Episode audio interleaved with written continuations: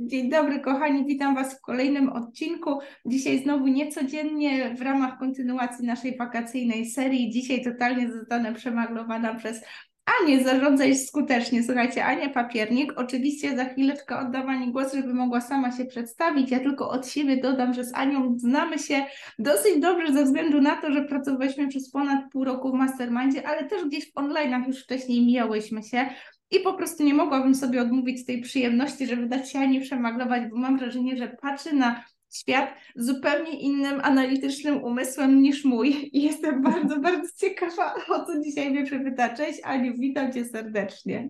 Cześć Agnieszka, bardzo dziękuję za zaproszenie do, do Twojego podcastu.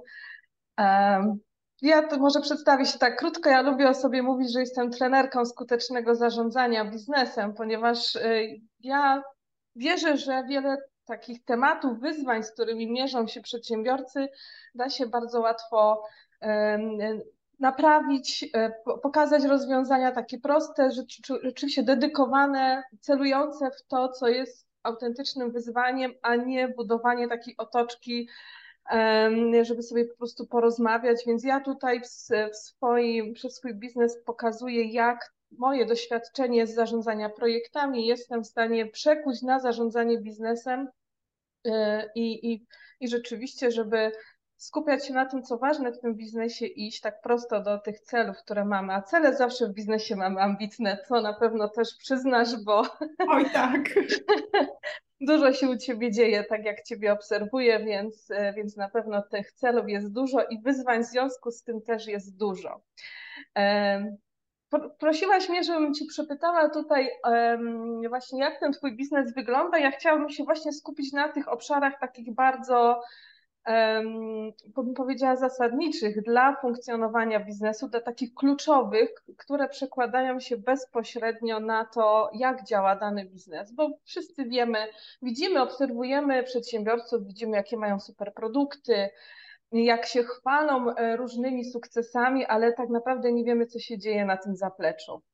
To jest e, tajne przez poufne i, e, i wierzymy, że wszyscy mają wszystko tak pięknie poukładane i to naprawdę odbywa się miło, lekko i przyjemnie, ale rzeczywistość jest różna i tak jak pracuję z przedsiębiorcami, to no, widzę pełen wachlarz różnego rodzaju wyzwań, których nie widać, a które są i które można bardzo łatwo też właśnie rozwiązać.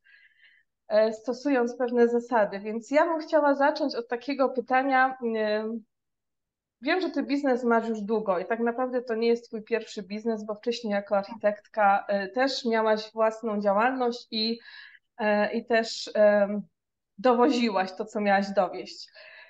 I chciałam się ciebie zapytać, czy i w tym pierwszym biznesie, i w tym drugim, kiedy go zakładałaś, w ogóle miałaś taką, e, taki plan, że kiedyś będziesz mieć swój własny zespół, dużą firmę, e, gdzie nie będziesz w tym biznesie sama, tylko rzeczywiście będzie ciebie ktoś wspierał, albo robiąc dokładnie to, co ty, czyli na przykład jak miałaś biznes architektoniczny, że będziesz zatrudniać zespół architektów i i będziecie działać wspólnie, albo też, y, że będziesz mieć zespół, który będzie uzupełniał Twoje umiejętności w innych obszarach, które w takim biznesie są. Tak, super pytanie, Rety. Wiesz, co sobie przypominam? Ostatnio właśnie zaczęłam przeglądać szafy, bo też jesteśmy u progu przeprowadzki i znalazłam swój taki stary, stary notesik, oczywiście oprawiony w handmade'ową okładkę, żeby po prostu też go pielęgnować, żeby się nie rozleciał. Taki stary Moleskine, który już prawie się rozdziera którym ja jeszcze pracując y, pierwszej takiej poważnej pracy w pracowni architektonicznej w Warszawie, pamiętam wtedy mąż, pierwsza taka poważna praca, wiecie, etap euro, więc my takie młodziaki, co byśmy normalnie takich zadań w życiu nie dostali, on tam robił autostradę, ja wielki projekt tam w Przemyślu dworca, też taki historyczny, piękny. Właśnie pracowałam w takim biurze u właściciela, który też wrócił gdzieś z zagranicy, założył swoją pracownię i tak właśnie był na, na momencie rozbiegu. Zresztą możecie sobie sprawdzić, Rysy Architekci, tam jeszcze, jeszcze moje stare projekty można zajrzeć. Teraz biuro już tam z 20 osób pracuje, wielkie. W każdym razie ja pamiętam ten moment jak dziś i on taki pełen pasji, jakby jak zakładał to biuro, ja byłam jednym z pierwszych pracowników, tam dwóch czy trzech pierwszych pracowników, jeszcze jego żona tam na pokładzie i tak dalej. I pamiętam, że on robił coś takiego, takie spotkania zespołu i tak się zawsze nawijaliśmy, że to są takie projekciki i on tak miał jakąś taką charyzmę, traktował nas trochę jak takich znajomych, jak takich kumpli ze studiów, jak trochę jak dzieci swoje e, i tak zawsze mówił o tej wizji właśnie, że ta firma będzie taka wielka i za parę lat tak z dumą będziemy opowiadać o tym okresie, początku. I ja pamiętam, że wtedy założyłam ten notesik i tak podglądając jego jako takiego lidera, marzyłam o sobie, że ja kiedyś mam taką pracownię i właśnie wszystko, co on robi tak fajnie, ja tam zapisywałam skrzętnie właśnie z taką myślą, że kiedyś, jak to już będzie moje biuro, to ja tak będę traktować pracowników. I do dzisiaj czytam te takie wskazówki, że spotykaj się regularnie, nie jak się zbiorą problemy, tylko rób spotkania zespołu. Zaczynaj od czegoś fajnego. Super, jak możecie się spotkać przy jedzeniu, jak każdy ma kawę, herbatę i nikt tam nie biega, e, wiesz, po jedzenie po uk w ukryciu i tak dalej. Optymalizuj czas, bo jak razem jecie obiad i jeszcze gadacie, to dwie rzeczy naraz produktywność czasu. I teraz się tak śmieję z tych wszystkich rzeczy, bo oczywiście to było tak, że ja patrzyłam na to oczami pracownika, a nie oczami pracodawcy i tam miałam takie wskazówki, wiesz, nigdy nie pomijaj uwag swojego zespołu, pamiętam te swoje uczucia, wiesz, frustrację, jak coś chciałam powiedzieć i tak wiedziałam, że można lepiej, a tu nie było czasu i wiesz, i on tam jakoś przeoczył czy coś takiego, Teraz patrzę na to z zupełnie innej perspektywy, bo też czasami widzę, że to było też celowe działanie, nie rozdrabnianie się na jakieś pierdoła. Ja tam każdą rzecz chciałam zgłosić i być takim super pracownikiem. Ale myślę, że to położyło podwaliny właśnie pod, pod tą odpowiedź na pytanie, że ja od początku wiedziałam, że marzę o tym momencie, kiedy to ja jestem takim liderem dla osób, które wchodzą na pokład, które chcą się od czegoś nauczyć. I od początku czułam, że to nie jest tylko przywilej, że wiesz, ja jestem szefem, odcinam kupon od waszej pracy, bo ja też widziałam od początku, jaką charyzmę, jaki drive on miał. On był dla mnie takim właśnie takim przykładem lidera, nie szefa, nie? Że nie, że on sobie leży, a my tutaj zapierdzielamy, tylko on zapierdzielał naj, najbardziej. On wlewał w nas taki entuzjazm. Do dzisiaj pamiętam, jak na jakąś inwentarkę jechaliśmy, zapomniał zatankować, wiesz, stoimy gdzieś w polu i mówi, tak, to moja wina. My mówimy, no ale my też mogliśmy zatankować, ale nie, ja jestem liderem, to ja powinienem pamiętać o tych rzeczach. Do dzisiaj to pamiętam i sobie myślę, że miałam tą niesamowitą przyjemność, niesamowity przywilej trafić na kogoś, kto zasiał w mojej głowie takie ziarno, że to nie jest tylko przywilej, ale to też jest odpowiedzialność. Mhm. Taki lider, e, on świadomie kształtuje e, tą kulturę organizacji, świadomie na coś pozwala, na coś nie. Pamiętam te nasze rozmowy właśnie, że my chcemy być tacy, nasze biuro ma być takie, my nie chcemy tu fuszery, my chcemy projekty na najwyższym poziomie. I pamiętam, że to teraz potrafię nazwać, że to jest budowanie kultury organizacji, wartości, misji, wizji firmy mhm. i tak dalej, ale on to potrafi podać w taki sposób, że to była jedna wielka, fascynująca przygoda i wszyscy czuliśmy, że dokładamy cegiełkę do budowania tego, wiesz, wehikułu architektury XXI wieku. I teraz, kiedy tak spoglądam, wiesz, z perspektywy czasu, to widzę, że to było coś, co mnie bardzo ukształtowało i um, kiedy pracowałam już później jako architekt, właśnie już miałam własną pracownię, to dużo było we mnie takiego rozczarowania, bo skończyłam trochę w takim miejscu, gdzie już byłam tą szefową, byłam liderką, ale brakowało mi takich ludzi z zapałych, zapałem, takich pracowników, jakim ja byłam, jakim byli ci moi koledzy na pokładzie. I to było takie bardzo frustrujące, że z jednej strony, wiesz, masz tą chęć, masz jakieś przygotowanie. Jeszcze wtedy nie rozumiałam, że to też była rola mnie lidera, żeby potrafić tak rekrutować takich ludzi, odpowiednio mówić w takich, wiesz, rekrutacyjnych rozmowach. Ale skończyłam w takim punkcie, gdzie właśnie zatrudniałam ludzi, ale to wiesz, to był pan elektryk, który wiedział lepiej. To był pan ten, i wiesz, to nie był zespół, to były osoby, którym płaciłam za konkretne działania. I teraz z perspektywy czasu widzę, że to nie było złe czy dobre, to była moja jakaś niedojrzałość takiego właśnie lidera. Ja, ja trochę chciałam być szefową i jednocześnie liderem. Nie da się. Mhm. Albo mhm. jednym, albo drugim. I ja trochę stałam się taką szefową, która wiesz, zleca coś, zapłaci, jest zrobione lepiej, gorzej, ale każdy tak naprawdę jest na własnej firmie, tam wiesz, tu elektryk, tutaj branżysta, tu konstruktor i tak dalej. To nie była taka firma właśnie, o której ja marzyłam. I pamiętam, że później tak naprawdę zaczęłam się rozwijać bardzo mocno w tym kierunku, czyli tak troszeczkę z takim, wiesz, takim, może taką czkawką. Ja po prostu zaczęłam dbać o siebie jako tą osobę, która robi dobrze architekturę i wiesz, zmieniały się twarze, ten branżysta, następny, też projekty były w różnych lokalizacjach, więc trochę nie sposób to było robić ciągle tym samym zespołem. Ale tak na trochę zapomniałam, jak to jest właśnie tak z tym marzeniem o takim zespole, takiej prawdziwej organizacji. I pamiętam, kiedy zaczęły się oplotki, to ja też już miałam taki moment, że no kurczę, nie będę tego biznesu robić sama, bo to też taka duża misja, nie? Z tego się mhm. zrobiło takie marzenie do spełnienia, że od początku wiedziałam, że ja sama jakby wiesz, nie, nie zarażę ludzi bakcylem rękodzieła, że to potrzeba po prostu całej armii zakręconych osób. I pamiętam, że tylko była we mnie taka decyzja, że ja nie chcę tego robić tak jak w tej architekturze, że czegoś muszę się nauczyć, czego jeszcze nie umiem, żeby budować organizację, o której marzę. I tutaj od początku było wiadomo, że to nie będzie takie, wiesz, zatrudniam kogoś, siedzi sobie trochę rozleniwiony, wiesz, na jakimś etacie, robi swoje, a później do domu i ma rodzina szefa, nie? Mhm. Zastanawiałam się, jak. I tu było bardzo dużo takiej pracy, żeby dorosnąć do roli właśnie takiego E, lidera, osoby, która potrafi delegować zadania albo potrafi w pewnym momencie puścić odpowiedzialność za pewne zadania, oddać jakąś, wiesz, odpowiedzialność, a nie tylko zadanie. No mhm. i to było takie chyba najtrudniejszy kawałek, takie zrozumienie, że jeżeli chcemy wspólnie budować tą organizację, no to ja też nie mogę tak jakby mówić komuś, jak to ma robić. Ja muszę mieć tą otwartość na to, żeby ktoś mógł rzeczywiście wkładać tutaj swoje zaangażowanie, swoją wizję, no i to była taka bardzo cenna lekcja. I teraz, kiedy patrzę na oplotki, to mam poczucie, że, że coś tak wydaje, że to była kwestia nauczenia się czegoś, wiesz, zainwestowania w jakieś programy rozwojowe, tak? Oczywiście to był ważny element, ale mam poczucie, że taką, wiesz, takie podwaliny i w ogóle to marzenie, to się pojawiło lata temu dzięki temu, że miałam ten przywilej obserwować to w praktyce, być tym pracownikiem, który podąża za silnym liderem i zobaczyć, jak bardzo we mnie był ten drive do pracy.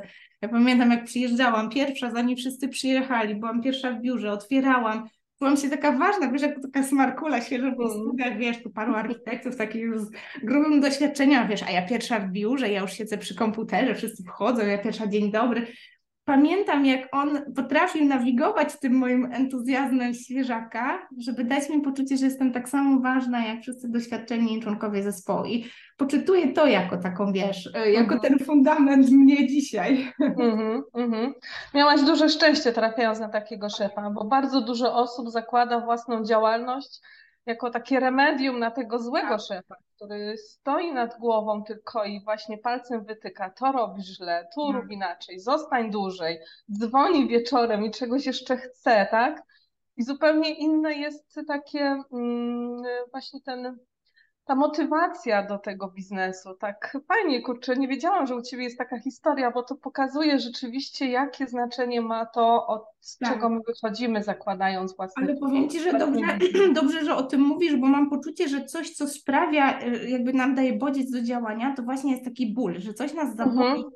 Bo jak jesteśmy w komforcie, to nie mamy wystarczającego drive'a, żeby to robić. Ja tak. pamiętam, że myśmy po prostu mieszkali w tej Warszawie, Jacek tam trzaskał tą, wiesz, tą yy, autostradę i tam taki moment, że wiecie, już idzie euro, no to wszyscy autostrady kończymy, projekty kończą, trzeba szybko wydać tą kasę z euro. Mm, no i nagle, wiecie, wracamy do normalnego tempa pracy inżynierów, do rzeczywistości. No i mój Jacek wrócił do Poznania, bo my też nie chcieliśmy w Warszawie zostać, za mhm. dużo tempo życia dla nas tam było. No i już wiedzieliśmy, że wracamy, już tutaj mieszkanie kupowaliśmy, wiecie, kredyt na 100 lat, nie, i te klimaty, ale że generalnie wracamy do Poznania się ustatkować, no i on wrócił na taką, wiesz, cieplutką posadkę do swojego korpo, wiesz, z awansem, no bo tam zrobił doświadczenie na budowie, więc tutaj od razu w biurze, tak. wiesz, level wyżej. Natomiast ja wróciłam do Poznania, no i wiadomo, tam to biuro funkcjonowało w Warszawie, żadnego oddziału tu nie miało, bo to była początkująca firma z wielkim żalem, bo mi tam nawet podnosił pensję, żeby mnie zatrzymać, ale mówię, no nie, no nierealne, nie będę dojeżdżać do Warszawy do pracy. Mm. I wiesz, wróciłam tu do Poznania, zaczęłam trochę biegać po biurach, wiesz, jakieś tam cefałki. Poszłam na kilka rozmów i tak po pierwsze poczułam taki klimat, że mówię, na takiego szefa to ja tu w życiu nie znajdę, tak, bo rynek w mhm. Poznaniu niestety był bardzo trochę, no taki rozwalony, bo my tu mamy dwie uczelnie, właściwie teraz trzy uczelnie, jest Polibuda, jest ASP, jeszcze jakieś prywatne uczelnie architektury, więc rocznie tych architektów wypuszczamy tutaj na rynek tonę, więc potencjalna konkurencja wielka. Mhm na takim przedziale, wiesz, parę lat doświadczenia w biurze, to nas jest tutaj na pęczki, no i jest taka kultura, no trochę niefajnie, może mówię o swojej branży, może to się też zmienia, no ale to był taki etap, gdzie ja tu wracałam, pensja o połowę niższa i historie moich znajomych na zasadzie, wiesz, tutaj ci każą trzy miesiące pracować, żeby cię w ogóle sprawdzić, bez pensji. Mhm. Albo e, pracuj nad dużym projektem, bo sobie wrzucisz do portfolio za jakieś, wiesz, psie pieniądze. I jak ja sobie zaczęłam dostawać, wiesz, te propozycje, fakt, że w ogóle były, więc to, to w ogóle mi znajomi mówili, że wow, w ogóle cię chcą, bo my tu tam, wiesz, latamy mhm. z i nic. ale jak zobaczyłam po prostu za jakie pieniądze, mówię, no do cholery, no nie tyle się uczyłam, wiesz, studia, y, wiesz, i to moje były drugie studia, więc też takie świadome, wiesz, w Berlinie gdzieś tam praktyki, wiesz, jakieś publikacje naukowe, cudawianki, wiesz, super doświadczenie z tej firmy, rozpieszczona trochę tym euro, bo to wiesz, takie ambitne projekty dostajesz, gdzie normalnie to po 10 latach bym to musiała robić. Hmm doświadczenia, no ale tu wszystkich brali, bo euro. No i wracam i to takie rozczarowanie. I przyznam Ci się, że właśnie to takie zderzenie z tymi takimi wiesz, rozmawiasz z kimś, kto potencjalnie będzie za chwilę twoim szefem i widzisz, jak cię traktuje na tej rozmowie i mówi, no za cholerę, nie? Za mm. miliony ja tam nie chcę robić, nie? To ty wiesz, coś na przeczekanie, ale w życiu nie wiążesz jakby jakiegoś tak. rozwoju, bo widzisz, jak wiesz, jeszcze tak jak czujesz tak trochę intuicyjnie, to czujesz, jaki to jest człowiek po prostu, jakie tak. tam są wartości. Wydoić tego studenta po studiach i na ranie, a i tak on się podpisuje nazwiskiem pod realizacją. I wtedy miałam taki właśnie moment dyskomfortu wielkiego i podejrzewam, że gdyby nie ten dyskomfort, to ja bym nie założyła własnej firmy. Więc teraz jestem... No właśnie. No ja właśnie tak. No mhm. właśnie dlatego. Mówię, kurczę, nie będę robić za psie pieniądze, zakładam swoją firmę, a macie, będę waszą konkurencją. no właśnie miałam tak podsumować, że gdyby nie ta wyprowadzka z Warszawy, to ty pewnie byś po prostu tak. dalej z tą firmą e, współpracowała i, i po prostu nie byłoby oplotki. Tak, kto wie, wiesz, ja może by tam do dzisiaj, wiesz, siedziała komfortowo, wiesz, może na jakimś innym albo po prostu inne projekty robiła, ale tam mi było naprawdę dobrze, tak personalnie i wiesz, no i taki rozwój zawodowy, niesamowicie dynamiczny rozwój. Tam dużo było takiego myślenia o rozwoju w kategoriach, ile chcesz wziąć, tyle ja ci dam. Nie mhm. takiego, że ja cię popycham i musisz, tylko ambitniej? Proszę bardzo, ale jest robota, nie? Mhm. mhm.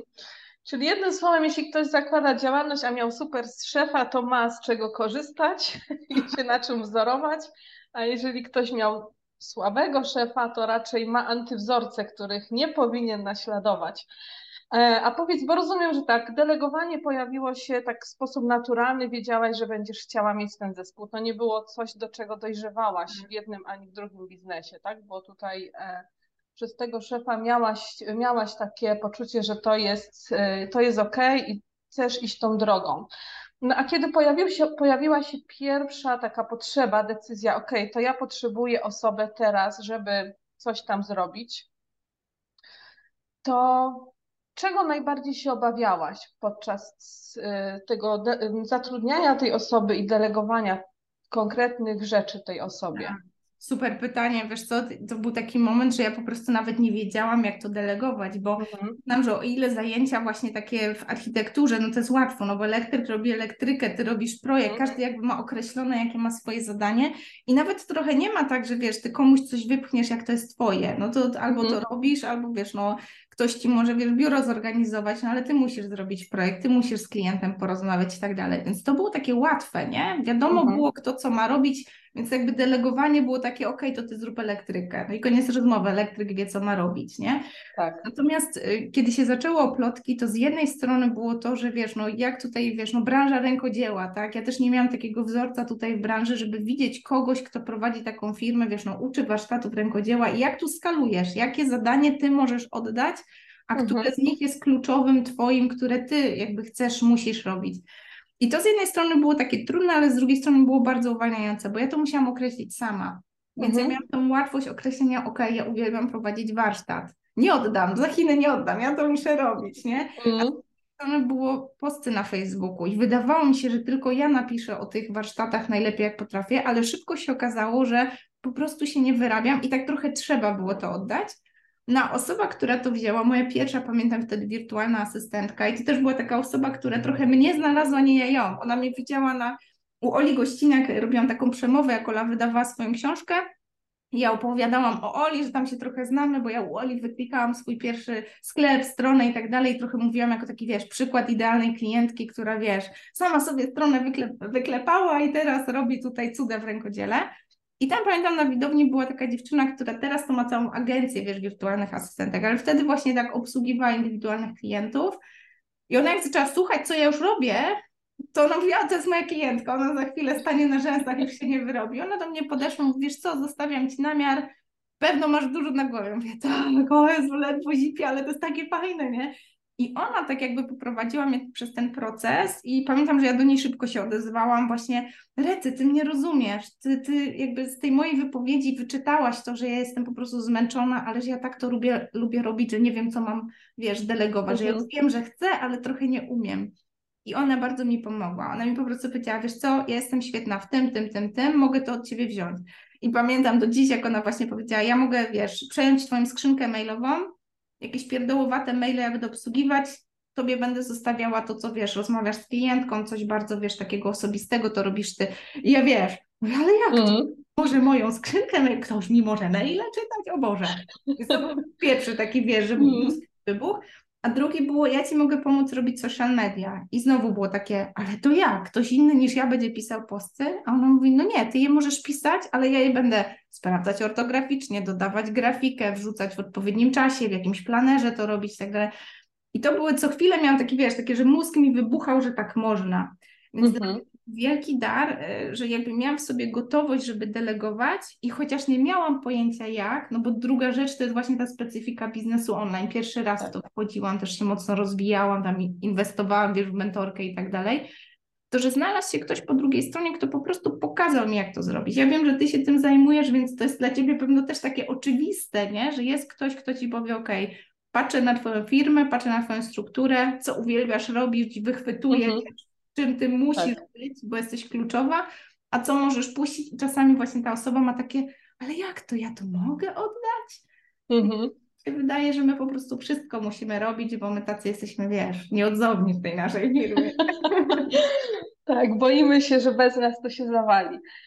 E, ale tu powiedziałaś bardzo ważną rzecz, bo generalnie i w jednym i w drugim przypadku, czyli tego elektryka i tej wirtualnej asystentki, miałaś do czynienia z ekspertami. To nie były osoby początkujące, tak? Każda świetnie zdała się na swoim fachu i wiedziała po prostu i umiała wziąć. E, miała tą, może ten elektryk to trochę inna tutaj bajka, ale ta wirtualna asystentka miała tą proaktywność, tak? tak? Była właśnie, wiedziała czym jest dobra, umiała to dobrze określić i umiała ciebie poprowadzić, tak?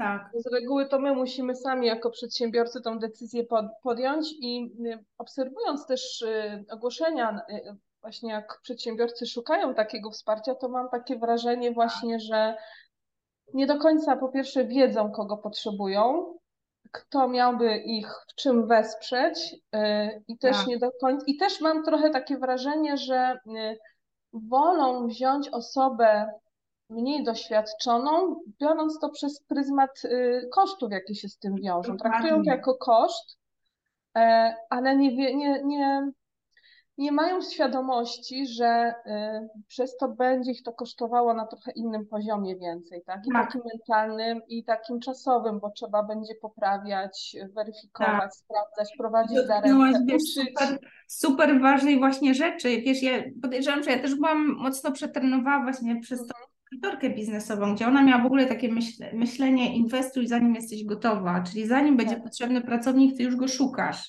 Tak jakby myślisz z punktu, gdzie chcesz być, a nie z punktu, gdzie jesteś. No, czasami to się przeliczyłam, bo był moment, gdzie przeskalowałam, musiałam się trochę mhm. cofać, ale jakby w takim ogólnym rozrachunku dobrze mi to zrobiło i ona pamiętam, że miała taką mantrę, że właśnie kupujesz umiejętności, a nie do po godzinę.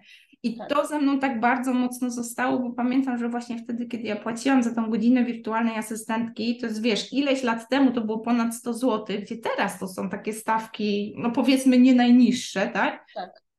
I pamiętam, że wszyscy na mnie wielkie oczy robili i ja pamiętam, jak bardzo mocno miałam to poczucie, że korzystam, bo to było tak, że ona trochę układała pewne zadania, ona wiedziała, jak lepiej zaplanować te posty i tak dalej. Ja to je manualnie wrzucałam z ręki jeden po drugim, zajmowało mi to tonę czasu. Ona mm. się dała do planera, blokowała czas i w trzy godziny robiła trzy tygodnie, wiesz, postów, nie? Ja robiłam wielkie oczy, że można w trzy godziny tyle zrobić.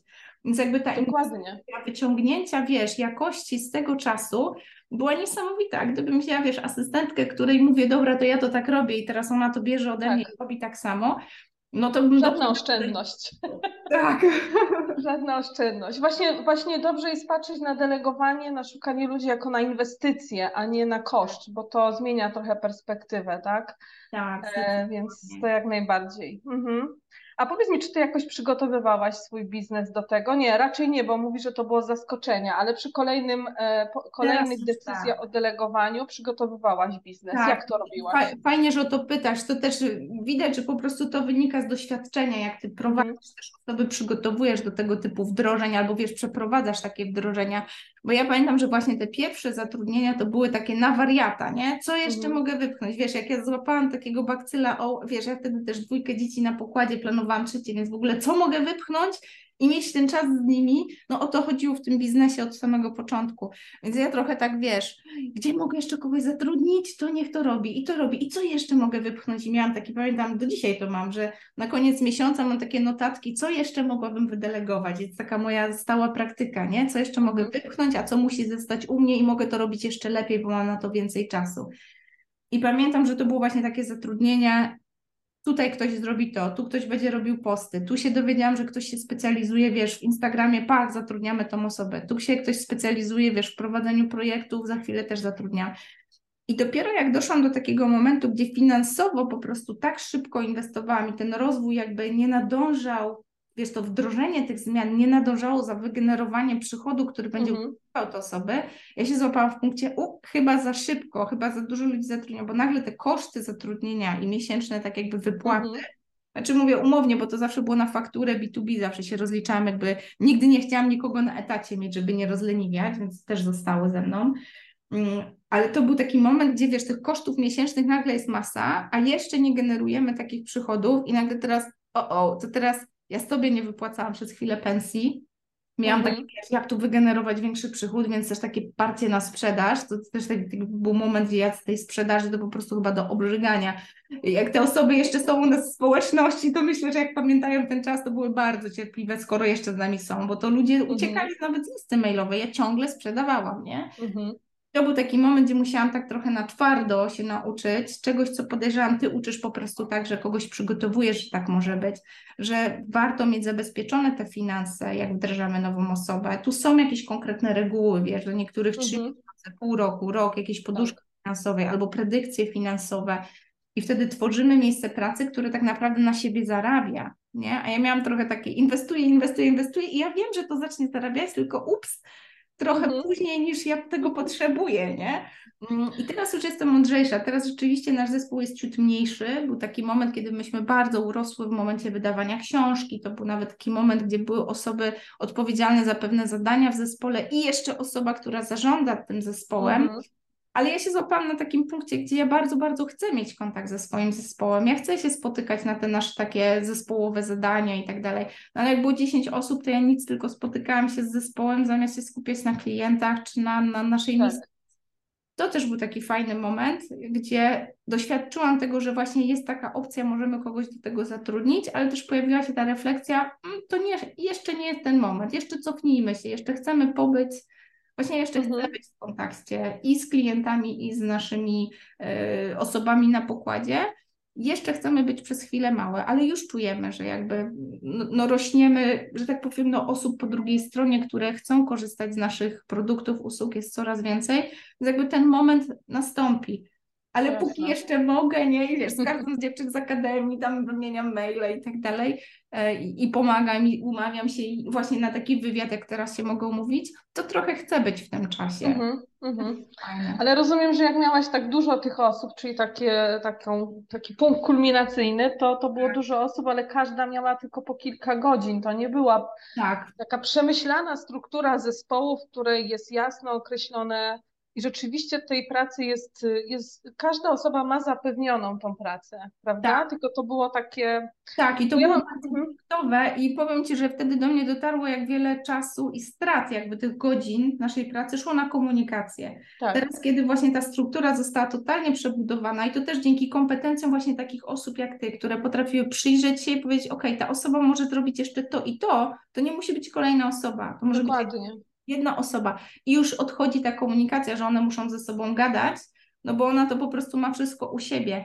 I, i od tego momentu, właśnie z, tej, z tego momentu, gdzie jest bardzo dużo osób z różnymi zadaniami i ktoś, kto musi je wszystkie skomunikować i łączyć i rozdzielać zadania i tak dalej, jakby mam poczucie, że teraz idziemy w drugą stronę, też przeginam, mam wrażenie, w tym momencie drugiego spektrum, że Mhm. coś się da, ładujemy po prostu tym, wiesz, biednym dziewczynom z zespołu, już są tak dociążone, że ledwo zipią, ale to też Mhm. sprawia, że my siebie nawzajem, bo ja też teraz mocniej jakby przycisnęłam, już Sarcia jest trochę starsza, jest w przedszkolu, więc ja mam więcej przestrzeni na taką pracę Mhm. niż tam dwa lata temu, to widzę, że od nas nawzajem wyduszamy z tych um, roboczo godzin maksa, ale to też nas popycha do tego, żeby a tu znajdę jakieś narzędzie, tu mogę coś zautomatyzować, tu jakimś, nie wiem, zapierem połączymy jakieś zadania i niech se to tam Excel sam generuje.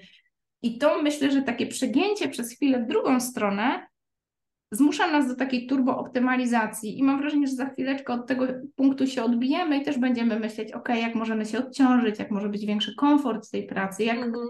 wejść do naszego zespołu, żeby właśnie może być takim łącznikiem troszkę, nie? Odciążać od jakichś mniejszych, pierdołowatych zadań, żeby dziewczyny też mogły trochę mieć więcej przestrzeni na refleksję.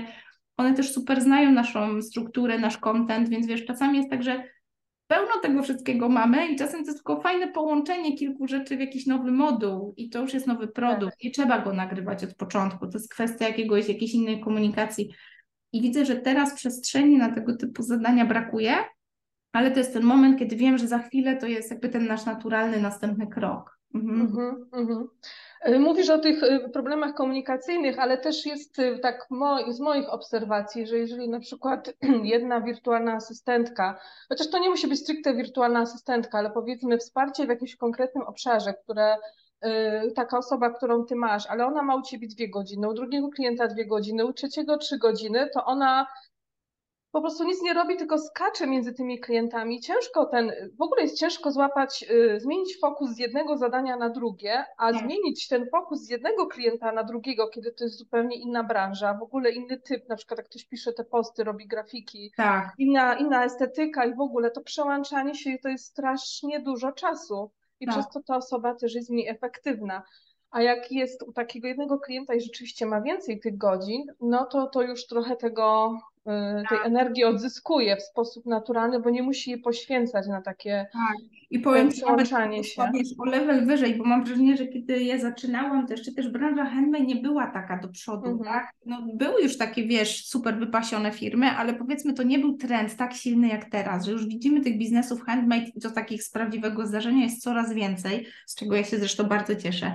Ale pamiętam, że wtedy wirtualna asysta też jakby była na innym poziomie i był mniejszy stopień specjalizacji.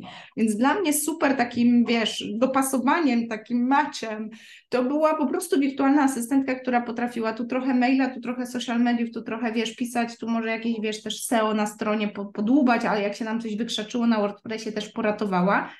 Natomiast na, na ten poziom to nie tylko jest tak, że potrzebujemy osobę, która specjalizuje się w Facebooku, specjalizuje się w reklama, specjalizuje się wiesz, w Insta, no bo też ta specyfika Insta, wiesz, ewoluowa, ale też przez pryzmat naszej branży, ale też to są osoby, które siedzą w branży handmade i wiesz, i Ania, Mhm. i Eliza, czy, czy Marta, wszystkie osoby w naszym zespole, one też są rękodzielniczkami. Mało tego, Mhm. teraz mogę, wiesz, dumnie powiedzieć, że każda z nich tak naprawdę weszła do naszego zespołu przez nasz e, program flagowy, przez Akademię Rękodzielnika. To było tak, że one Mhm. weszły, pracowały nad swoimi biznesami, każda z nich ma swój biznes handmade, wiesz, czy tu dzierganie, czy sprzedaż produktów, czy warsztaty i tak dalej. Natomiast są zespole z wyboru. Nie? I Mhm. zawsze jest tak, że mają tą alternatywę, że jak one nie, nie pracują w oplotki, to one mają swój biznes. To jest tylko kwestia, że one dzielą ten czas pomiędzy coś Tak. swojego, a wspomaganie czegoś, co jakby ma większą misję, gdzie łączymy wszystkie siły. I dla mnie to pokazało tą moc też tej branży, bo dziewczyny spokojnie mogłyby obsługiwać inne podmioty, czy to w branży handmade, czy w ogóle jako wirtualne asystentki. Natomiast ta skondensowana moc specjalizacji właśnie w tej branży i właśnie ze spójnymi wartościami sprawia, że jakby i dla mnie one są niesamowitym wsparciem, bo po prostu, no wiesz, mają czacze, po prostu nadajemy na Tak. Falach. Natomiast dla siebie też mają taką satysfakcję z pracy, że ja robię coś, co mnie napędza, co mnie właśnie kręci. I powiem Ci, że są takie właśnie momenty, kiedy na przykład, nie wiem, Eliza coś tam pisze, e, ktoś mi złożył propozycję, wiesz, wirtualnej asysty, tyle za godzinę. Mówię, może Eliza, ja tego nie przebiję, nie mamy takiego budżetu.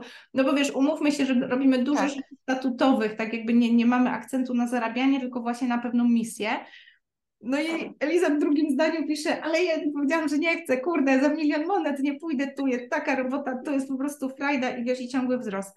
I to jest taki moment, kiedy jako pracownik, wiesz, mówisz, kurczę, nie, że możemy grać w otwarte karty, gdzie ja wiem, że jak tylko jest budżet, to możemy zwiększać stawkę albo jakiś bonus albo coś, ale tu jest coś innego niż ta kasa, tu jest ten drive, mhm. że my chcemy robić coś razem i robimy to z wyboru. I każda z nas mogłaby być w innym miejscu, ale jesteśmy tutaj, bo chcemy. I mhm. powiem Ci, że to jest takie bardzo, bardzo krzepiące, bo tu jest dużo takiej wolności, że każdy może powiedzieć, wiesz, co myśli, jak tu zmieniamy, co mi przestaje pasować, wiesz, każdy może mi też krytycznie powiedzieć, Aga, tutaj trochę przegięłaś, wiesz, pogadajmy mhm. może inaczej. Sprawia, że ja też, wiesz, nigdy nie, nie wejdę w buty takiej osoby, która już się rozsiada komfortowo, mhm. wiesz, i przestaje rosnąć, nie? Mhm. Ale tak jak mówisz, to ja nie wiem, czy ten zeszycik, o którym wspominałaś, e, gdzie notowałaś fajne e, zachowania twojego szefa, czy teraz ty sama nie jesteś właśnie taką szefową? Czy nie odnajdujesz się w tych, w tych zapiskach? Wiesz, ja, ja spoglądam też, e, jak, jak, dziewczyny rosną, bo przez oplotki naprawdę pracowników i osób, które mhm. grały w różnych zadaniach, też już się trochę przewinęło. Ja mam poczucie, że wiesz, dla mnie taki, wiesz, noszę jako takie badge of honor, że każda z tych relacji w jakiś sposób nas wzbogaciła, każda z nas urosła na jakiś sposób. Ja się czegoś nauczyłam, nawet jak nasze ścieżki się jakby, wiesz, rozstawały, właśnie, wiesz, z tą pierwszą wirtualną asystentką, no ona teraz ma, wiesz, wypasioną agencję, też poszła w jakiś taki kierunek, ale w momencie, kiedy był taki trudny moment decyzji, że ja już wiesz, nie chcę się wspierać wirtualnymi asystentkami, tylko chcemy tworzyć kulturę, kulturę organizacji na zasadzie chcę, żeby ktoś tu był bardziej, był sobą, mhm. wartościami, był jako też twarz, wizerunek i tak dalej, podpisywał się pod tym, co robimy, nie tylko anonimowo wykonywał zadania. To był taki moment, wiesz, że, że ja bardzo chciałam, ale się okazało, że ona też stanęła w takiej prawdzie, że wiesz co, ja rozwijam swoją firmę. Mhm. Tak? Ja rozwijam swoją agencję. Ja, ja, nie chcę w ten sposób funkcjonować i być tak mocno w czyjejś firmie i być kojarzona tylko z jednym brandem, nie? I dla mnie na początku to było trudne, wiesz, ja tam przeleczałam w ogóle jak to, ktoś nie chce ma plotki, wiesz, tam przeżywałam po kampo, no tak, a później sobie pomyślałam, kurczę, jaką organizację budujemy, gdzie można to powiedzieć głośno, w takim tak. szacunku do siebie nawzajem to usłyszeć, no tam przeżyć jakoś, wiesz, przepracować w sobie, ja też bardzo dużo jakoś wewnętrznie musiałam to przepracować, ale to nam dało możliwość wzrostu, nie? U niej jest takie, ja wiem, co robię, jest takie stanięcie w swojej prawdzie, u mnie jest, okej, okay, to co ja muszę zrobić, żeby być tym szefem, przy którym ktoś chce się na tyle mocno związać z naszym brandem. I wiesz, to był mhm. taki, takich momentów jest bardzo dużo, więc myślę, że to jest, y, co mnie napędza, że nawet jeżeli pewne osoby mówią nie, pewnej strategii oplotki, to mimo wszystko to jest takie nie z takim szacunkiem, z takim poczuciem, obie wyniosłyśmy coś z tej relacji, obie się czegoś nauczyłyśmy. No i do dzisiaj się śmieję, że jest tyle takich właśnie biznesowych relacji z osobami, które przewinęły się przez nas zespół na jakimś etapie, że no to tak w tym biznesie, no tak się mówi, ale ten świat online'owy jest taki mały, że to jest właśnie takie fajne poczucie, że gdziekolwiek się spotykamy, to jest o, a co u Ciebie teraz słychać, a nie takie, wiesz, mhm. niezręczne, yy, wpadamy na siebie, nie, bo coś, jakiś zgrzyt, coś takiego, no. Mm -hmm, Super. A co było, wspomniałaś o, powiedziałaś, nie zacytujesz dokładnie, ale o delegowaniu zadań versus delegowanie tej odpowiedzialności, tak? Przekazywanie tej pałeczki całkowicie komuś. Co było najtrudniejsze właśnie w takim, właśnie bo delegowanie zadań jest proste. Mówisz komuś, weź mi tu opublikuj posta, tak? tak? Masz wszystko opublikuj. A to delegowanie odpowiedzialności, co było dla Ciebie to najtrudniejsze? To jest super kwestia, wiesz, ja myślę, że też y, Ty masz doświadczenie, bo też widzisz, nie? I obserwujesz pewne osoby, które, wiesz, są liderami w swojej firmie albo, nie wiem, założycielami i tak dalej. I to my tu jesteśmy tym najsłabszym ogniwem w tym delegowaniu. Mhm dotarło dopiero, kiedy wiesz, też miałam przyjemność, wiesz, pracować czy z tobą w mastermindzie i też widzieć, wiesz, twoją pracę tak jakby od zaplecza, no bo jak ja byłam tą osobą coachowaną, to czasem takie, że się uprzesz i nie widzisz, mhm. ale jak już jesteś na tym poziomie, że coś tam przerobiłaś, już do ciebie dotarło, i później widzisz na przykład, wiesz, tak jak ty opowiadasz, jak ja mam to temu klientowi wytłumaczyć, jak mam to pokazać. I u mnie to był właśnie moment tego kliknięcia, że y, my mamy takie poczucie jako założyciele, czy właśnie tacy powiedzmy liderzy, szefowie swoich organizacji, takie poczucie, że my tu jesteśmy najważniejsi i że gdyby nie nasza praca, nie nasze pomysły i tam wiesz, nasze i tutaj wiecie, wstawcie dowolne w nawias, mhm. no to ta firma w ogóle umiera. A tak naprawdę czasami to my jesteśmy głównym powodem, że ona się tak szybko nie rozwija. I to było również aktualne u mnie, że ja miałam długi czas e, poczucie, że ten, ten nie wiem, artykuł to tylko ja napiszę tak dobrze, tam wpis na bloga, nie? Ten, ten post to tylko ja tą treść tak napiszę, bo tylko ja wiem, jak ci nasi klienci, odbiorcy dobrze działają tam nie wiem, czy jakieś tam rzeczy na YouTubie, to tylko ja te tagi umiem nadać do tego filmu, że, bo tylko ja wiem, jaki jest nasz idealny klient. I okazało się, że e, warto było po prostu trochę takiej pokory. W moim przypadku to był po prostu deficyt czasu, bo przy trójce dzieci mhm. trochę ciężko było robić wszystko samemu, ale zobaczyć, że w pewnym momencie ludzie mają takie kompetencje, że robią to 10 razy lepiej. Kiedy my pozwolimy im to robić, to oni się mogą rozwijać w tym i bardzo szybko nawet nas prześcignąć, że wiesz, my nie będziemy najlepszymi producentami wpisów blogowych, e, specjalnie od YouTube'a, Instagrama, Facebooka, my tam Pinteresta jeszcze mamy, wiecie, więc ja w pewnym momencie jakby dopuściłam do swojej myśli, że ktoś jest po prostu w tym lepszy i że to mi nie ujmuje, nawet jeżeli ja uczę strategii, jak to robić i uczę rękodzielników, jak to robić, to ja nie muszę być, wiesz, na bieżąco, jak się robi teraz najlepszą rolkę, bo u nas to obcykała e, Eliza. Mhm. I ja się mogę zapytać. I ona może, nie mhm. wiem, mi wytłumaczyć, albo uczestniczkom naszej akademii wytłumaczyć to o wiele lepiej, bo ona ma przestrzeń, żeby tym się zajmować na co dzień. I dla mnie ten przeskok, właśnie odpowiedzialność, to było takie nie tylko nawet oddanie, że ktoś robi posty i ja ich nie kontroluję i ja wiem, że ten wydźwięk, wiesz, ta misja oplotki, to o czym my jesteśmy, będzie w każdym poście, nawet jak ja każdego posta nie piszę sama, że ktoś może to nawet napisać w duchu, wiesz, nawet w mhm. moim imieniu, nie? I daje taką autoryzację, że ktoś się podpisuje, Agnieszka i zespół oplotki. Ja tego nie przeczytałam, to poszło i ja wiesz, czytam to w swojej komórce i mówię, wow, lepiej bym tego nie ujęła. Mm -hmm.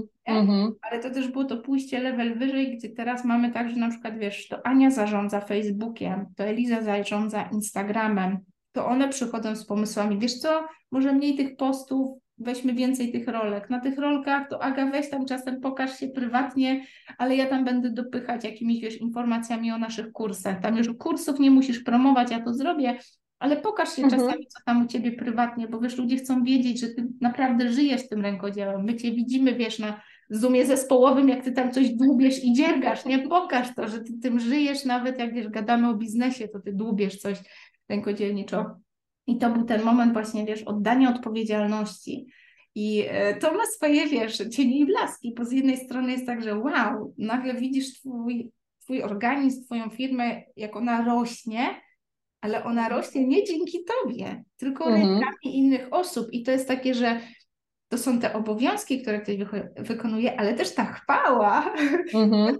się tym innym osobom. I ja pamiętam, że dla mnie to było takie trudniejsze, trudne do dźwignięcia, takie uświadomienie sobie, że po pierwsze bez zespołu nie byłoby oplotek takie, jakie są dzisiaj. To, to już jesteśmy na takim etapie, gdzie okej, okay, to jest moja gęba wszędzie, to branduję swoją twarzą, ale tak naprawdę to jest zespół oplotki, mhm. który wiesz, jest super newsletter, jest na fejsie pełno, na Insta pełno, że są stories, że my ciągle kogoś promujemy, ktoś nas promuje, jesteśmy na jakichś wywiadach, ale z drugiej strony to też jest to właśnie takie dostrzeżenie, że y, ja mogę w pewnym momencie oddawać tą odpowiedzialność za rozwój i zaufać, że komuś tak samo zależy, żeby ta, wiesz, ta organizacja rosła, tak samo jak mi.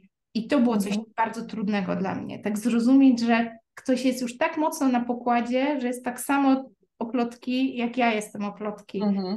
Ja, że, mhm. i, I myślę, że bardzo wiele osób po prostu ma z tym problem. Dopóki tego nie przepracuje w sobie, to tak jakby sabotuje własny rozwój, sabotuje własną firmę.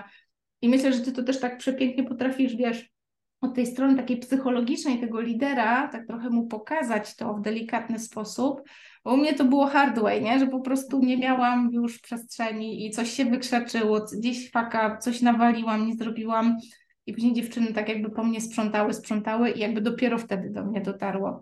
Natomiast mhm. tego można się, wiesz, nawet nie tyle nauczyć, ale jakby wprowadzić w swojej firmie, właśnie pracując z taką osobą jak ty, nie? Tak. Że ktoś zostanie do tego przygotowany, widzi jak to się dzieje, może sobie też mindsetowo pracować z tym. I wiesz, no nie trzeba robić rewolucji, to może być po prostu ewolucja. Dokładnie, dokładnie. Zacząć od nawet tego delegowania zadań, żeby się nauczyć to robić dobrze, a później uwalniać coraz bardziej i bardziej. E, no dobrze, to na koniec nie byłabym sobą, gdybym nie zapytała o takie kwestie bardziej e, systematyzacji, standaryzacji tego, co robić? Czy macie procedury, jakieś procesy opisane, czy to jest wszystko tak że tak powiem, na gębę i jak to zrobi, tak będzie. Tak, super, że o to pytasz, Ania, bo wiem, że jesteś po prostu mistrzynią asany i przyznam, że nie wiem, jak my mogłyśmy funkcjonować tak długo bez asany. Znaczy, mhm. pewno można to zrobić też innymi narzędziami, też znasz miliony tych narzędzi, ale myślę, że asana jest takim dosyć znanym, które u nas pozwoliło właśnie stworzyć te procedury. U nas było tak, że właśnie dzięki tej rotacji osób, które wspierały oplotki, no generowałyśmy dodatkowe zadania, bo ktoś coś robił, później przekazywał następnej osobie, musiał mu pokazać, wiesz, spotkać mhm. się. Oczywiście z mojego punktu widzenia płacę za ten czas, nie? Tak. Natomiast w pewnym momencie właśnie, kiedy wydawaliśmy książkę przy pomocy crowdfundingu, dołączyła do naszego zespołu Olga i pamiętam, że to był taki moment oświecenia, gdzie ona weszła i mówi, jak to nie macie asany? Zrobię asanę. I dla mnie takie było przepiękne pokazanie właśnie jaką metodologią, wiesz, takie osoby pracują, tak jak ty, że to nie jest tak, że wchodzisz, robię wam asanę, macie. Tylko, że właśnie wchodzisz, obserwujesz, jak my funkcjonujemy, jakie zadania wykonujemy, kto co robi, robisz sobie notatki, co gdzie można by poprzekładać, jakie są w ogóle role versus jakie są osoby w firmie. I dopiero wiesz, ona pamiętam, że po trzech miesiącach dopiero to masanę, gdzie ja wiesz, ja już mówię, no jak to za trzy miesiące? Ja ci płacę, żeby tutaj na ty sobie patrzysz, co my robimy, wiesz, nie mogłam skumać w ogóle, ale mówię, dobra, cierpliwie, ufam, ufam, wiesz, nad swoim mózgiem też pracowałam, żeby po prostu nie, nie sabotować. I rzeczywiście w tym momencie, kiedy ona nam wprowadziła tą asanę, to to była asana stworzona na potrzeby tego, jak funkcjonujemy. Mhm. I tak naprawdę ubranie w słowa naszych procedur, które tam gdzieś były, wiesz, na mailach, gdzieś my sobie tam przekazywałyśmy ustnie i tak dalej, albo ja mówiłam, dziewczyny notowały w zeszycikach, wiesz, i tam szybko robiły. I pamiętam, że to był taki kwantowy skok dla organizacji, że wszystko mhm. spisane, do dzisiaj funkcjonujemy w tej strukturze, tam ją sobie troszkę modyfikujemy, na, wiesz, jak się rozwijamy, ale generalnie jakby Olga wdrożyła i później cały zespół tak jakby zaczął pracować. I w momencie, kiedy nawet Olga już jakby odchodziła na zasadzie, że mamy to wszystko gotowe, wydaliśmy już tą książkę, wypchnęliśmy największy, wiesz, ten projekt, już podejmujemy decyzję, że się kurczymy z 10 osób tam do 3-4, tak wiesz, na full, no to ten moment przekazania, nawet tak jak Olga robiła taki offboarding, to właśnie było właściwie tylko takie przekazanie, ok, to tutaj mamy tu, tu, tu, możecie sobie dziewczyny jeszcze tutaj tak zrobić, czy tak zrobić, ale jakby to było wyjście, tak jak ty wychodzisz jakby z pracy mhm. w takim momencie, gdzie Wy mnie już wcale nie potrzebujecie, wy już sobie wszystko poradzicie. No i teraz to są rzeczywiście procedury spisane w ponagrywane tutoriale, więc nawet jest taki moment, jak teraz jesteśmy, wiecie, no wakacje, nie? Ktoś jedzie na dwa tygodnie urlopu, ale na co dzień robi jakieś zadanie, to nie ma, że nagle w panice i co teraz, tylko ta inna osoba sobie wchodzi, tu ma wideo, jak to jest zrobione, to jest odhaczone, co już jest zrobione, bo też często jest tak, że sobie tam pod, podszykowujemy, nie mówię, dobra, ja to robię ciągle, to już mam system, idzie mi szybciej, no i wchodzi ta druga osoba i ja nawet czasami o tym nie wiem. Dziewczyny sobie tam wymieniają, ej, mhm. zdanie, zrobisz tamto, weź tam tylko Adze przypomnij o czymś tam, bo często jest tak, że no ja muszę coś nagrać, mnie widać, czy tam, nie wiem, na YouTube jakieś wideo, no jest moja twarz, nie? Ale później tam, nie wiem, obróbka, wrzucenie tego, dopisanie jakichś notatek czy coś, co już nawet czasem nie wiem, czy to Ania zrobiła, czy Eliza, bo to już jest tak dobrze zrobione według tej procedury zaparkowanej w Asanie, no i znowu to daje taką wolność, że to dzięki tak. temu my możemy tak dużo tych treści wypychać, tak skutecznie służyć twórcom, no bo my wewnętrznie mamy taki system opracowany. Mhm. Mhm, ja widzę, że ty miałaś dużo po prostu takich wspaniałych osób, Kosie, które no. tobie dużo pomogły w tym biznesie. Ja tylko e, powiem ci tak, że ja zwykle wchodzę do takiego biznesu jako jedna z pierwszych osób, które mm, e, dołączają na chwilę, żeby ci pomóc nad czymś zapanować. I zwykle to jest tak, że na rozmowie takiej wstępnej, ponieważ ta osoba wie, że ja działam w Asanie, to tak. mówi, to ja ci to wszystko do tej asany wrzucę, wszystko ci wrzucę do tej asany. I potem ja wchodzę do tej asany, a tam jest, wiesz, jakby ktoś wszystko z szaf wyciągnął, wszystkie tak, bebechy nauczkowo robi wielkie porządki. Tak. Ja, moja pierwsza myśl e, jest taka, że jeżeli ktoś decyduje się delegować, czyli zatrudnić na przykład wirtualną asystentkę, żeby jej coś przekazywać i wtedy robi ten kocioł w asanie, no to ja współczuję tej wirtualnej asystentce, tak. bo naprawdę jest się ciężko odnaleźć osobie, która wchodzi, nie zna biznesu, nie wie w ogóle o co w nim chodzi, poza tym, co tam sobie naobserwuje w mediach społecznościowych.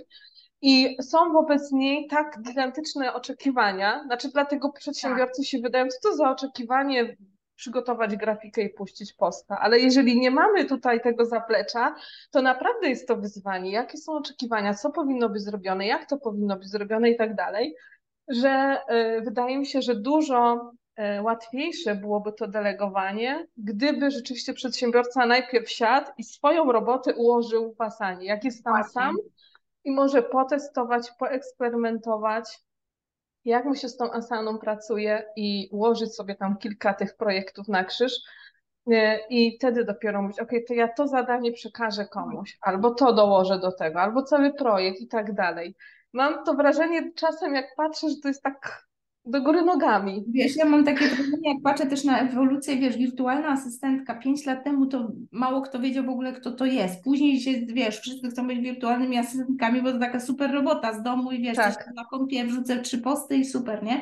Natomiast teraz mam wrażenie, że jako przedsiębiorcy i po drugiej stronie też branża chyba wirtualnej asysty, my dostrzegamy jakby rolę, pracę, jakby twoje stanowisko i jakby wagę tego stanowiska, bo to trochę jest tak, że wiesz, ja jako przedsiębiorca idę do wirtualnej asystentki i mówię zrób mi, no to już, to, to, to już nie są te czasy. Teraz tak. to raczej właśnie idę do takiej Ani, która patrzy na moją firmę, jak ona funkcjonuje i pokazuje, jak to można zoptymalizować i które zadania i jak można wydelegować. I z gotową procedurą przychodzę do wirtualnej asystentki, mówię, ja chcę od Ciebie to, to, to, to, to, zrób mi wycenę, ile będzie ten pakiet godzin kosztował i tak naprawdę wiesz, nawet się wiem, że często zajmujesz też wdrożeniem, że to ty mówisz tak. asystentce, to będzie robione tak i tak, i tu są takie zadania. Wtedy można, wiesz, negocjować stawki, yy, wiesz, i mam takie poczucie, że jeszcze ciągle tego brakuje. Tak jak kiedyś brakuje edukacji, yy, co to jest wirtualna asysta, tak mam wrażenie, że teraz brakuje tej edukacji, że to nie jest kwestia pogadając z wirtualną asystentką i zrób mi, tylko potrzebuje procedury, jak to powinno być robione, żeby tak naprawdę oszczędzać te, te godziny czasu, tak. właśnie tego uczenia się, no bo nie, to nie jest obowiązek wirtualnej asystentki. Tak jakby tak. idealna sytuacja jest tak, że ty ją zatrudniasz i ona wie, co ma robić, ale ty musisz najpierw wiedzieć, co ona Dokładnie. Ma. Czego oczekujesz od tej osoby? Kiedy powiesz, że ona swoją robotę zrobiła dobrze, tak naprawdę, na to pytanie mhm. trzeba sobie odpowiedzieć i zapisać to w tej asanie. Tak. Że ta osoba wchodzi do tego zadania i widzi, widzi w opisie. Oczekuję, uznam to zadanie za ukończone kiedy? Tak. I tutaj jest cała instrukcja. Znaczy ja mówię tak bardzo już okrągło, ale ja wychodzę z IT i tam się tak opisuje. Dokładnie. Stala się definicję, kiedy zadanie jest ukończone, tak? I, tak. I rzeczywiście jest tam opisane, że będzie to działać tak, a tak, a tak, a nie inaczej. E, no oczywiście tam to już związane troszeczkę z innym sposobem pracy, bo i są i testy i tak dalej, ale tutaj to tak samo trzeba po prostu tak. do tego podejść. Nie musi to być bardzo okrągłymi zdaniami, ale musi być jasno jasno, jasno y, określone, że ty wiesz, co to znaczy sukces. I ja myślę, że mhm. ja też tego bardzo, bardzo nauczyłam i też ciągle się uczyłam, wiesz, w mastermindzie u ciebie. Za to kocham mastermindy nasze, nie? Że wiesz, wchodzą osoby, gdzie ja tu potencjalnie jakby jestem teoretycznie takim twórcem, facylitatorem przestrzeni, ale tak naprawdę my wszystkie się od siebie nawzajem uczymy. Ja też tak mocno czerpię z tych grup. I pamiętam, że to był taki też dla mnie mo moment refleksji, bo mi bardzo łatwo przychodzi nawiązywanie relacji, jakoś mam coś takiego, że trafiam na dobrych ludzi, albo jak mhm. czuję dobrych ludzi, to ja robię wszystko, żeby oni wokół mnie zostali, że daję sobie to prawo, żeby zadbać o to, żeby mi się dobrze pracowało i żebym się otaczała ludźmi, z którymi po prostu ta robota to jest, wiesz, super frajda. Natomiast często popełniałam ten błąd, że ok, jest super relacja, jest fajnie, ale brakuje tej stanowczości, wiesz, klarowności, jakie zadania są do zrobienia. Mhm i później wiesz, jest fajna relacja, ale głupio, głupio powiedzieć, i w końcu ja robię jakieś zadanie, bo mi jest głupio powiedzieć, że ktoś je zrobił nie tak, jak oczekuję. I tu się zaczynały właśnie te schody, gdzie wiesz, mhm. coś, co ma potencjał na właśnie fajną relację, fajną robotę, staje się powodem do jakichś porażek, do jakichś fakapów. I pamiętam, że właśnie uświadomienie sobie, że to nie jest jakby to, że, że wiesz, że ja jestem zła, że coś nie umiem i tak dalej, tylko że właśnie są osoby, które potrafią wejść z zewnątrz i to poukładać, przyjrzeć się, bo my tak się trochę przyzwyczajamy do pewnych rzeczy już tak wchodzimy w jakieś kolejne działań, że zawsze jest taki moment, że wiesz, ty nawet wchodzisz z zewnątrz, patrzysz jak to funkcjonuje, pokazujesz, o tu można zoptymalizować, tu oszczędzimy parę godzin, to tak sobie po, poprzestawiajmy. Nagle się okazuje, że wiesz, mamy więcej czasu, mniej jest mhm. takich punktów, gdzie możemy się, wiesz, pokłócić o pierdołę. E, no tak. i jest taka lekkość w tej pracy, nie? Jest takie mhm. obowiązywanie. Teraz, kiedy patrzę, wiesz, na takie projekty, jak, no wiesz, no robimy drugi raz tą konferencję, tak? Zresztą Ania będziesz prelegentką, więc też się nie mogę doczekać, że jak sobie pomyślę, że robimy tak duże wydarzenie, tak wielką konferencję, praktycznie we trzy, yy, takie wielkie wydarzenie mhm internecie, tam są montaże filmów, wiecie, komunikacja, promocja, obsługa partnerów, my tam mamy też oferty dla partnerów takich, gdzie można tam jakąś promocję sobie wykupić.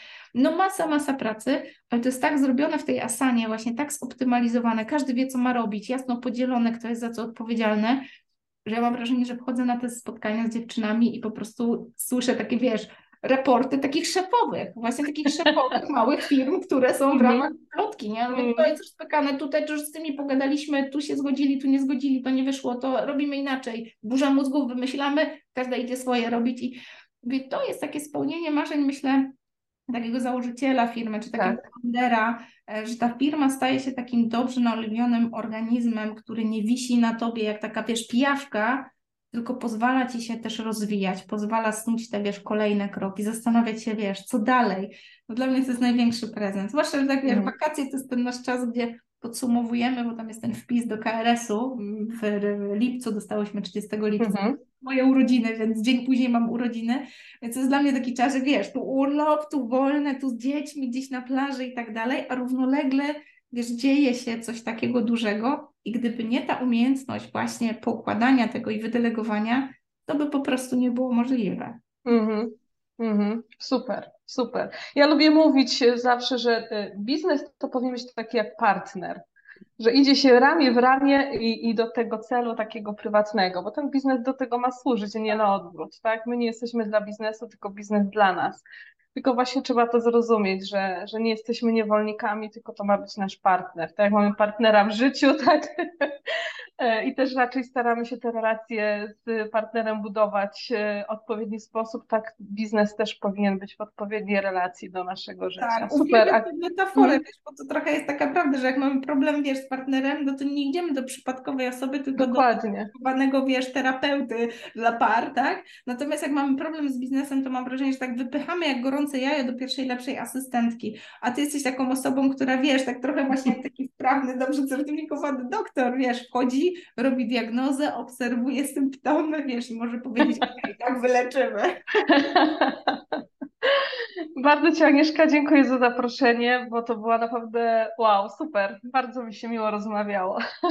Wielkie dzięki, Ania. Jeszcze raz wielkie dzięki wiesz, za przyjęcie zaproszenia. Wierzę, że ta wakacyjna seria to też jest taka okazja, żeby zajrzeć za kurtynkę. Ja też się cieszę, bo tak wiesz, w książce był taki moment prawdy, kiedy mogłam opowiedzieć tą historię i mam wrażenie, że od Mhm. momentu jej wydania no już dużo się dzieje, bardzo się rozwijamy i ciągle brakuje we wehikułu, gdzie można nad, nadgonić, więc bardzo się cieszę, że mogłyśmy tak wiesz, bez cenzury pogadać o zapleczu. Wielkie dzięki. Bardzo dziękuję.